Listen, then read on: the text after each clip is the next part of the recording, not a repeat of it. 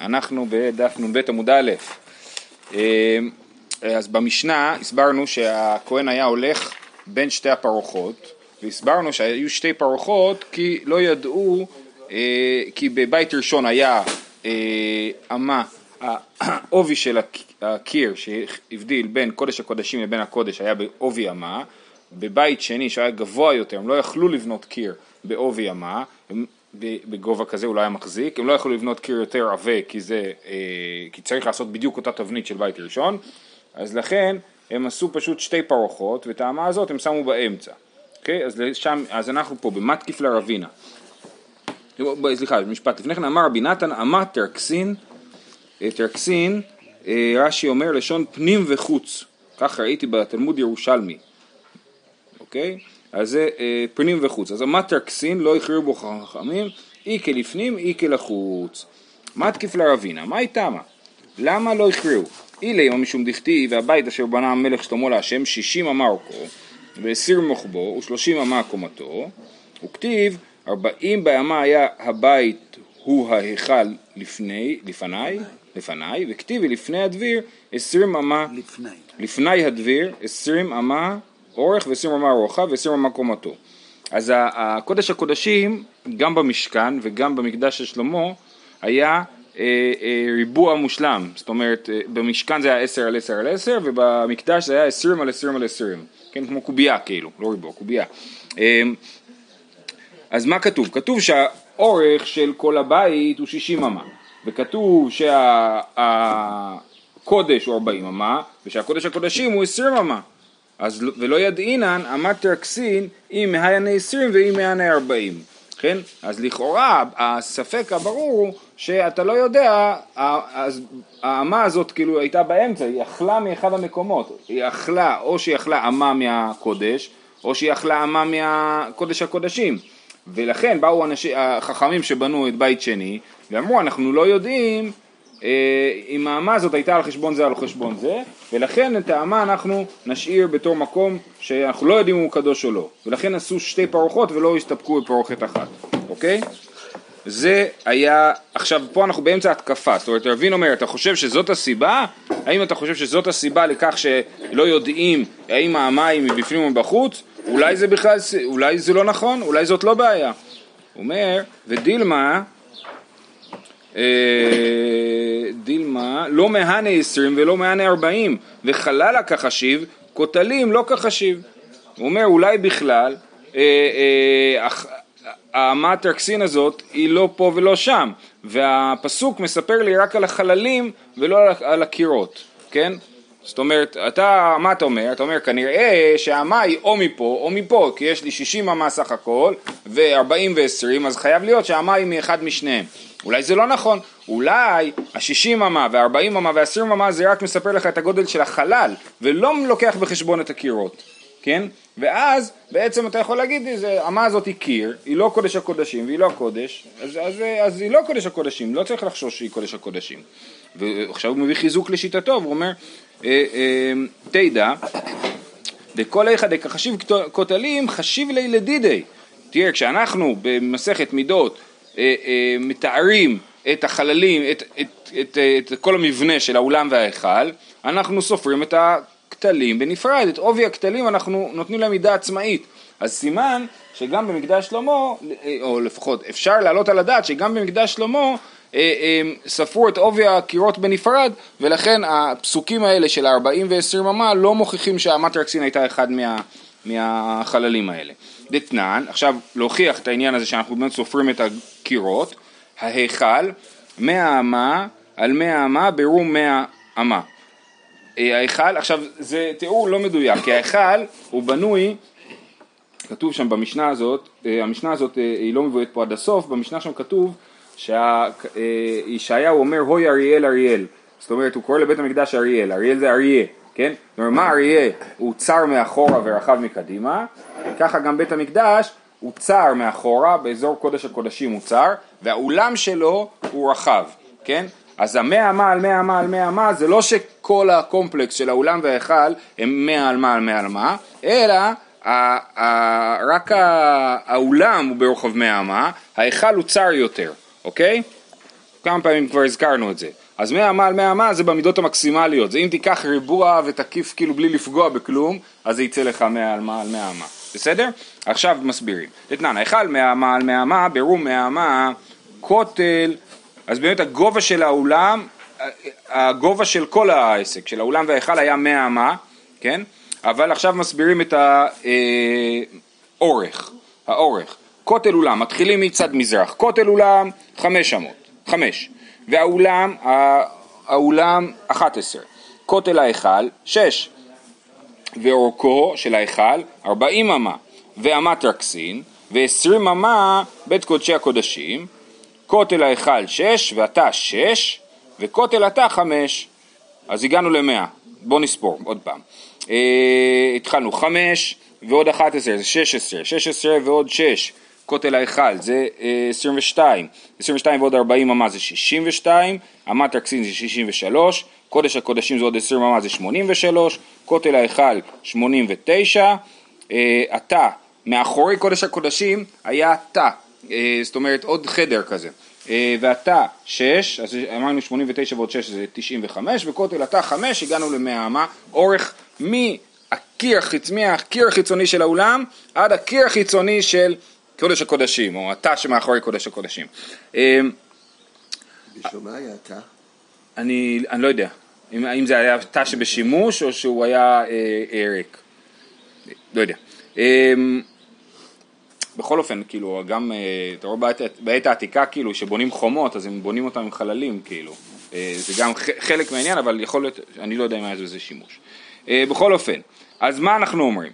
שהספק, בהתחלה הציעו שהספק נבע מזה שאנחנו פשוט לא יודעים אם האמה של הקיר של בית ראשון היא הייתה מקודש הקודשים או מהקודש. אומרים מה פתאום? אולי פשוט אה, אה, אה, לא ספרו את האמה הזאת, זאת אומרת הייתה אמה והייתה בין ה-40 לבין ה-20 באמצע.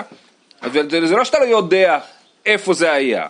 אלא קדושתי כלפנים מקל החוץ. ההתלבטות הייתה האם הקדושה של המקום הזה של הטרקסין היא כמו לפנים או כמו בחוץ, לא בגלל שאתה לא יודע מאיפה זה לקח, אלא אתה לא יודע מאיפה, מה, מה רמת הקדושה של זה, וה, אוקיי? וזה, אה, אה, וזה, זאת התשובה, זאת אומרת זאת הסיבה שאנחנו אה, אה, עשינו שתי פרוחות, כי לא יודעים מה רמת הקדושה של ה... אה, האמה בכניסה לקודש הקודשים. והיינו דאמר רבי יוחנן, והיינו דאמר רבי יוחנן, באי יוסף איש הוצל, ודביר בתוך הבית מפנימה, הכין לתיתן שם את ארון ברית השם. זה פסוק שמתוך תיאור המקדש של שלמה המלך. אז עוד פעם, דביר בתוך הבית, מפנימה הכין לתיתן שם את ארון ברית השם. איבאי להוא, על זה הוא שאל על הפסוק הזה, איך היא כאמר קרא? ודביר בתוך הבית מפנימה הכין לתיתן שם, או דילמה אחי כאמר, ודביר בתוך הבית מפנימה. זאת אומרת, אז הדביר, אה, הוא, הוא, הוא, הדביר הוא לכאורה מילה לקודש הקודשים, כן? אבל מתואר פה את הקירות ששלמה הכין, כן? אז האם הקירות שהוא הכין זה בדביר תוך הבית, מפנימה הכין לתיתן שם את ארון הברית, אז הוא עשה קיר, ובפנים יש את ארון הברית. או שהוא כותב, ודביר בתוך הבית מפנימה. זאת אומרת, הדביר בעצמו הוא חלק מהבפנים, הקיר בעצמו הוא חלק מהבפנים. אז זה ההתלבטות שלו איך לקרוא את הפסוק, כן? האם אני אומר, דביר לתוך הבית מפנימה הכין לתיתן שם, או דילמה הכי כמה ודביר לתוך הבית הכין, אה, מפנימה, מפנימה נקודה. כן? ואז אני אומר שהדביר הוא חלק מהבפנים. וזו ההתלבטות, האם הקדושה של הקיר, הדביר, רש"י חושב שהדביר הוא הקיר, כן? מקום הדביר גופי, האם הוא שייך לבפנים או לבחוץ, זו פשוט שאלה של איך לפסק את הפסוק, כן? נכון? זאת שאלה של פיסוק, איפה אתה שם את הפסיק. אומרת הגמרא, ומי מספקא לי, איך אתה אומר לי שיוסף איש הוצל הסתפק בשאלה הזאת, זה לא יכול להיות. והתניא, איסי בן יהודה אומר, חמש מקראות בתורה אין להן הכרע. יש חמש פסוקים בתורה שאתה לא יודע איך לפסק אותם. שאת, משוקדים, מחר, ארור וקם. תכף נסביר. והתניא, הוא יוסף איש אוצל, הוא יוסף הבבלי, הוא איסי בן יהודה. אז הנה, יוסף איש אוצל, הוא זה שהתלבט על איך לפסק את הפסוק אה, ממקדש שלמה, ואיסי בן יהודה אומר שיש רק חמש פסוקים שאין להם הכרע, אז איך אתה אומר שהוא מתלבט אם הוא אומר לך ש, שזה לא אחד מהפסוקים שאין להם הכרע? זאת השאלה, בסדר? מי שאל את זה? אה, לא, הגמרא, מי מספקא ועתניא איסי בן יהודה אומר חמש מקרות בתורה אין להן אחרי עשרת משוגדים מחר ארור וקם ועתניא הוא יוסף איש עוצל, הוא יוסף הבבלי, הוא איסי בן יהודה, הוא איסי בן גור אריה, הוא איסי בן גמליאל, הוא איסי בן מעלאל, ומה שמו? איסי בן עקיבא שמו. נקרא את התירוץ ואחרי זה נחזור לחמשת הפסוקים. כן, אה, תכף נקרא עליו משהו. אה, אה, אומרת הגמרא, בדאורייתא ליקא, בדנביאי איכא. זאת אומרת באמת, יש לנו חמש מקראות שאין להם הכרע בתורה, אבל בנביאים יש עוד. הוא דיבר רק על התורה כשהוא אמר שיש חמש מקראות שאין להם הכרע. הפסוק הזה הוא לא מהתורה ומנביאים, ולכן זכותו לחשוב שגם לזה אין הכרע. עכשיו אנחנו רוצים להעיר שתי הערות. אחד, זה, תביא לי שנייה. מי זה אה, היהודי הזה עם כל כך הרבה שמות? אומר הרב שטיינזלץ. יוסף הבבלי, תנא בדור התנאים שלפני רבי יהודה הנשיא, הוא תנא מבבל, כן? כפי ששמו מורה היה יוסף הבבלי, יליד בבל, ובמדויק יליד היישוב היהודי המרכז הלימודי הגדול הוצל. זה היה מרכז לימודי בזמן המשנה, לא בזמן הגמרא, בזמן הגמרא הוא לא, הוא לא מקום חשוב כל כך. איסי הוא אחד הקיצורים הארמיים של השם יוסף. כנראה היה שם אביו יהודה, ונתקנה בשל כך גם גור. לגבי האחר, השמות האחרים יש מסורת, כי הייתה גזרה במקומו של יוסף הבבלי.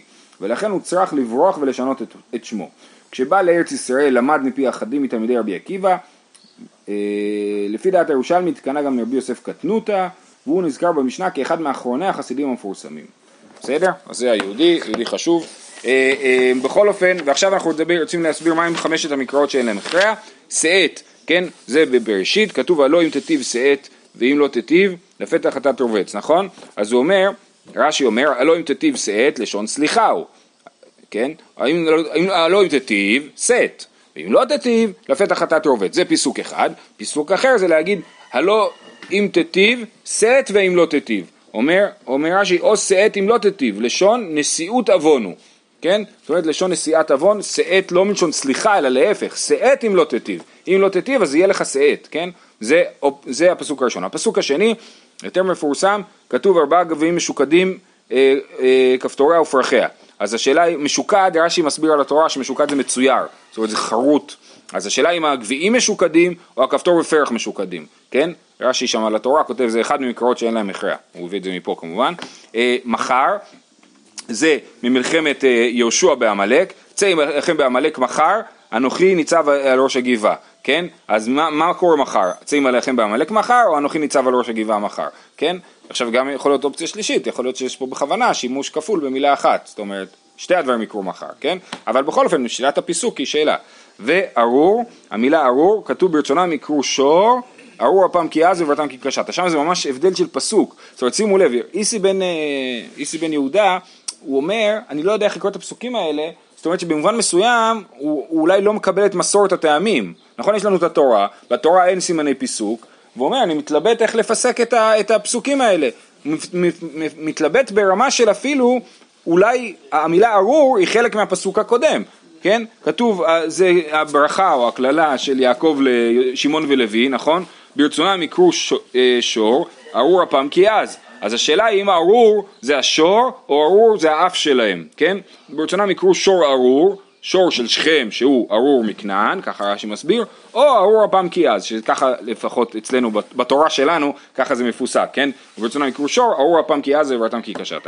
והדבר האחרון, זה אה, כתוב, אה, השם אומר לו משה, הנך שוכב עם אבותיך וקם העם הזה וזנה, כן? אז השאלה היא האם יש פה רמז לתחיית המתים מהתורה, שכתוב הנך שוכב עם אבותיך וקם, העם הזה וזנה, כן? ואז זאת אומרת יש פה אמירה אתה שוכב וקם, אז סימן שמשה יחיה בתחיית המתים, אז סימן שיש תחיית המתים, או שאתה אומר הנך שוכב עם וכמה זה, מה זה וזנה, זה יותר הפשט הייתי אומר של הפסוק, אה, שהעם אה, עתיד אה, לזנות אחרי אלוהים אחרים. בכל אופן אלה הם חמשת המקראות שאין להם הכרע. אומרת הגמרא, ובדאורייתא ליקא והאיכא, יש עוד מקרא שאין להם הכרע. דבאי רב חיסדא וישלח, וישלח וישלח? וישלח את נערי בני ישראל ויעלו עולות כבשים ויזבחו זבחים שלמים, שלמים פרים, שלמים. פרים, או דיל, שלמים פרים, או דילמה אידי ואידי פרים. זאת אומרת, האם זבחים שלמים פרים, או זבחים, יזבחו זבחים, שלמים פרים, כן? תשובה, להרחיס דמספקא ליה, לאיסי בן יהודה פשיטא ליה. נכון, יכול להיות שרב חיסדא באמת הסתפק איך לפסק את הפסוק הזה, אבל בזה דבר הזה לאיסי בן יהודה לא היה ספק, אנחנו לא יודעים מה, מה הוא חשב, רק אנחנו אומרים, זה לא, לא היה לו ספק, לרב חיסדא היה ספק. יופי. משנה הבאה, אז אנחנו אמרנו שהוא נכנס דרך הפתח של הפרוכת. לפי, המשנה הזאת הולכת לפי שיטת הנקמה במשנה הקודמת, לפי השיטה שיש שתי פרוחות. ראינו שרבי יוסי חושב שיש פרוכת אחת, המשנה ממשיכה על פי שיטת הנקמה שיש שתי פרוחות. החיצונה הייתה פרופה מן הדרום, פרופה היא פתוחה. זה רש"י מסביר, ראשה כפול לצד החוץ, ראשה כפולה לצד החוץ ונאחזת בכרס של זהב להיות פתוחה ועומדת. אז ממש רש"י מתאר כנראה שלקחו סיכה מזהב ו- וחיברו את זה לפרוכת וקיפלו את הפרוכת שתהיה פתוחה, אולי עשו את זה לפני יום כיפור בשביל שהכל יוכל לעבור, אני לא יודע כאילו אה, אה, מה, מתי, כאילו, מה, מה העניין פה, החיצונה הייתה פרופה מן הדרום ופנימית מן הצפון, מהלך ביניהם עד שמגיע לצפון, אז עכשיו הוא נכנס, הוא הולך כאילו צפונה, נכון, בין הפרוחות, הוא הגיע לצפון, הופך פניו לדרום והוא חוזר אה, צמוד לפרוכת אה, אה, מהלך, אה, פניו לדרום, מהלך לשמאלו עם הפרוכת, עד שהוא מגיע לארון, כן, אז הוא פונה שמאלה, עושה U-turn, נכון, והולך מהצד השני של הפרוכת, עד שהוא מגיע לארון. הגיע לארון, נותן את המחתה בין שני הבדים. למה שיעשה כזה מסובך? מה... זה עניין של כבוד, אני חושב שזה עניין של כבוד. אה, אה, תכף נראה שהתיאור פה הוא, בעייתי, אבל ראינו לפני כן שזה מהצד הצפוני, שרק זה פתוח. הצו הצפוני זה היה לפי שיטת רבי יוסי שיש רק פרוכת אחת. אבל אנחנו אמרנו לפי, לפי השיטה שיש שתי פרוחות, אז הוא הולך דרום, הולך בין הפרוחות, חוזר, ואז הוא הולך צמוד לפרוכת. זה כמו סתם, קצת כמו מסדר צבאי כאילו, שאתה לא יכול סתם ללכת איך שבא לך, יש מסלול מדויק איך אתה, איך אתה הולך. אה, כמו בשדה תעופה. כן, הרבה זמן לא הייתי. הגיע השם בקרוב ממש. נותן את המחתה בין שני הבדים. הגיע לארון, נותן את המחתה בין שני הבדים. אז הוא נמצא עכשיו ועומד מול ארון הקודש, בין שני הבדים. צבר את הקטורת על גבי הגחלים, הוא שם את הקטורת על גבי הגחלים, ונתמלא כל הבית כולו עשן. יצא ובא לא בדרך בית כניסתו, זאת אומרת הוא הולך באופן מדויק, חוזר על עקבותיו, כמו שהוא נכנס ככה הוא יוצא. איך, איך מתמלא כל הבית? הרי יש את הפרוחות. אז אולי הכוונה היא לקודש הקודשים. אה, אה, בית קודש הקודש. מה איפה? לא. אה, כן, נכון, נכון. אה, הוא מתפלל תפילה קצרה בבית החיצון, זאת אומרת לא בתוך בית הקודש הקודשים, ולא היה מעריך בתפילתו שלא להבעיט את ישראל. כן, זה תמיד מטריד אותי, כאילו, זה הרגע הכי קדוש, כאילו, והיית מצפה שהוא יתפלל שם באריכות או משהו, ולא, אה, לא להבעיט את ישראל, יותר חשוב לא להפחיד את האנשים מאשר אה, שהוא יתפלל. אה, אומר, אומרת הגמרא, במאי עסקינן מה מדובר פה? אילמה במקדש ראשון מיהבו פרוכת, אלא במקדש שני מיהב אהרון. זאת אומרת, התיאור הזה הוא תיאור לא הגיוני, כי במקדש הראשון, כבר אמרנו, היה קיר ולא היה פרוחות.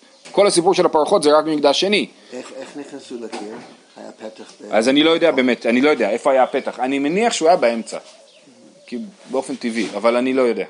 אה, כי אז אין את הכבוד של ה... נכון, נכון. אה, במשכן היה פרוכת אחת. על זה דיברנו במשנה, אתמול, אמרנו שבמשכן היה פרוכת אחת. אה, אז ברגע שיש פרוכת, לכאורה אתה נכנס מאחד מהצדדים, כי אין פתח בפרוכת. אבל ברגע שיש קיר, אני, אני לא יודע במקדש שלמה אם הפתח היה באמצע או בצד.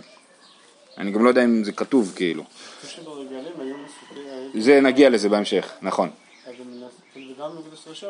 זה רק מקדש ראשון. אה, נכון. אז חייב להיות שהקיר הוא לא, שהפתח הוא באמצע. כן, נכון, מעניין. טוב, אנחנו נגיע לזה, אה, ממש בדפים הקרובים איפשהו. אה, והתניא, אוקיי, במקדש שני לא היה ארון בכלל, אז איך יכול להיות תיאור של פרוכת עם ארון? כאילו זה, זה תרתי דסתרי, כן? והתניא, והתניא במובן של אה, אה, חל, כחלק מהקושייה, מי שנגנז ארון, נגנזה עמו צנצנת המן וצלוחית שמן המשחה ומקלו של אהרון ושקדיה ופרחיה וארגז ששיגרו פלישתים דורון לאלוהי ישראל שנאמר וכלי הזהב אשר השיבותם לו אשם תשימו בארגז מצידו ושלחתם אותו והלך ומי גנזו? יאשיהו גנזו. אז יאשיהו גנז את הארון, ביחד עם הארון הוא גנז את צנצנת המן, אה, משה אומר לאהרון לקחת אה, אה, צנצנת, לאלעזר אני לא זוכר, לקחת צנצנת מן למשמרת, אז שמים אותה ליד הארון בקודש הקודשים, צלוחית של שמן המשחה, גם כן שמרו אותה בקודש הקודשים עם הארון, מקלו של הארון ושקדיה ופרחיה, גם על זה כתוב שהוא שם את זה למשמרת, אה, אה, כתוב להסיר את אה, תלונות בני ישראל, אני לא זוכר, זה עוד שבועיים בפרשת השבוע, וארגז ששיגרו פלישתים דורון לאלוהי ישראל בספר שמואל כשהם החזירו את ארון, ארון הברית. אז היה שם ארגז, עם, אה, בתוך הארגז היו אה, אה, חורי זהב. אה, אה, בכל אופן, אה, אה, אז יאשיהו גנז את זה. מה ראה שגנזו? ראה שכתוב יולך השם אותך ואת מלכך אשר תקים עליך הוא הבין שהולכת להיות גלות מספר דברים, עמד וגנזו, כן, מסופר שיאשיהו מצא את ספר התורה, נכון? מצא את ספר התורה, מה הוא מצא? בין השאר הוא מצא את הדבר הזה, שיולך השם אותך ואת מלכך אשר תקים עליך. עמד וגנזו שנאמר, ויאמר ללוויים המבינים לכל ישראל הקדושים להשם, תנו את ארון הקודש בבית אשר בנה שלמה בן דוד מלך ישראל, אין לכם עשה בכתף, עתה עבדו את השם אלוקיכם ואת עמו ישראל. כן, אז הוא אומר להם לתת את הארון בבית, הארון היה בבית, הוא לא היה בשום מקום אחר, אלא הכוונה היא שהוא גנז את הארון. ואמר רבי אלעזר, אתיה שמה שמה, מאיפה אנחנו יודעים את כל הרשימה הזאת של הדברים שנמצאים ביחד עם הארון? אתיה שמה שמה, אתיה דורות דורות, אתיה משמרת משמרת, כן? אז אנחנו תכף נגיע לפסוקים, בכל אופן אנחנו רוצים לתרץ את השאלה, השאלה הייתה איך יכול להיות שיש פרוכת ויש ארון, הרי בבית שני לא היה ארון, תשובה על עולם במקדש שני, התיאור של המשנה הוא תיאור של מקדש שני, ומה הגיע לארון? מקום ארון, והקטני נתן את המחתה לבין שני הבדים, המה כבין שני הבדים. זאת אומרת זה לא היה תיאור אמיתי, זה היה תיאור דמיוני, הוא, הוא נותן את זה במקום שהוא מדמיין שנמצא הארון, והמקום שהוא מדמיין שהוא בדיוק בין הבדים של הארון. זה כל כך מופרך. זה משונה. כן, מה, כתוב ככה, אז מה אתה אומר לא, זה הכוונה ככה, לא הכוונה ככה. אז מה אתה אומר? אז השאלה היא מה אתה רוצה לדחות? אתה יכול להגיד אולי לא נגנז הארון, זה יותר הגיוני. אה, אה, זה מעניין, או להגיד, או... או להגיד שהתיאור הזה הוא, הוא סוג של אה, תיאור אידיאלי ולא תיאור מציאותי כל כך, זאת אומרת יש פה תיאור של מה אמור להיות, בפועל לא היה ארון. בכל אופן אנחנו חוזרים שנייה, זה. זה פחות מופיע בתורה. מה זאת אומרת? תיאורים אידיאליים. כן, זה, זה. זה משנה, אני לא יודע. כן. אוקיי, אז אה, אנחנו בפסוק, ברש"י, אתיה שמה שמה, כן? כתיב בארון אשר יוועד לך שמה, וכתיב בצנצנת המן תן שמה, מלוא העומר, אז ככה אנחנו רואים שהמן צריך להיות ביחד עם הארון. ו- אה, צלוחית של שמן המשחה מצנצנת המן, כי כתוב דורות, כן? דורות דורות, כתיב בצנצנת למשמרת לדורותיכם, וכתיב בצלוחית שמן משחת קודש יהיה זה לי לדורותיכם, אז גם דורות דורות לומדים כמו שצנצנת המן נמצאת ביחד עם הארון, ככה גם הצלוחית של שמן המשחה, ואתי המקלו של הארון מצנצנת, גם המקל של הארון נלמד מצנצנת, כי כתוב את המילה משמרת, והצנצנת כתוב לשמרת לדורותיכם, ועל המטה כתוב, על המקל של הארון כתוב למשמרת לאות לבני מרי, אה, אה, והארון, הארגז הביאו כבר פסוק, את הפסוק אה, משמואל שאומר ששמו אותו ליד ליד הארון. בסדר, אז זהו, אז זה הסיפור, המשנה מדברת על מציאות אה, אה, אה, שלפחות לפי מה שאנחנו מבינים, מציאות שלא הייתה קיימת באמת. אה, אבל היא מתארת את המקום העקרוני ששם מניחים את, ה, את הקטורת. צבר את הקטורת על גבי הגחלים, תנא כמאן דאמר צוברה, אז ראינו מחלוקת, אני חושב שזה היה שלשום, האם צוברים את הקטורת או מפזרים את הקטורת, זאת אומרת אם אתה רוצה שהעשן יתפזר לאט או מהר, אז, אה, אז, אה, אז המשנה שלנו אומרת צוברה על גבי גחלים זה כמאן דאמר צוברה, כן, שאתה עושה ערימה גדולה וייקח לזה הרבה זמן עד שהעשן ימלא את הבית. אה, תני אחד הצוברה פנימה שהיא חוצה לו, ותני אידך צוברה חוצה שהיא פנימה לו. זאת אומרת, האם הוא הולך אה, מבפנים החוצה, איך הוא, איך הוא מפזר את הקטורת, מבפנים החוצה או מבחוץ פנימה, כן? אז פנימה שהיא חוצה לו, זאת אומרת פנימה, זאת אומרת מבחינת הארון זה פנימה, מההסתכלות של הארון זה פנימה שהיא חוצה לו, אז הוא מתחיל מהארון ולאט לאט מפזר את הקטורת לכיוון שלו, או להפך, שצוברה חוצה שהיא פנימה לו, זאת אומרת הוא מתחיל מבחוץ, מעצמו, הוא, הוא הבחוץ, זה מעניין הד- הד- הדבר הזה, שהם מתארים שהוא הבחוץ וה- והארון הוא הבפנים. איך אני יודע? לפי ההמשך. אמר אביי תנאי היא. ואמר אביי, אז דבר ראשון אביי אומר יש פה מחלוקת תנאים, כן זה סתירה, בסדר, יש משנה שלנו כתוב, סליחה, כתוב אה, אה, פנימה שהיא חוצה לו, חוצה שהיא פנימה לו, אז זה מחלוקת תנאים. ואמר אביי, מסתבר כמאן דאמר פנימה שהיא חוצה לו. מסתבר יותר שהוא מתחיל מהארון ומגיע לאט לאט אליו, למה דתנן? מלמדים אותו, היזהר שלא תתחיל מפניך שמא תיחווה. כתוב במשנה שמלמדים אותו להתחיל מרחוק. כי אם, מה יקרה? אם הוא נותן את הקטורת מבפנים, מ, מ, סליחה, מ, מעצמו כלפי הארון, אז הוא שם את הקטורת, ואז העשן מתחיל לעלות על הידיים שלו כבר, כן? זאת אומרת, אז הוא יכול לקבל קביעה. לכן עדיף שהוא יתחיל מבח, מהארון לכיוון של עצמו. אה, אה, זהו, אז אנחנו עוצרים פה. שכוייך. המחלוקת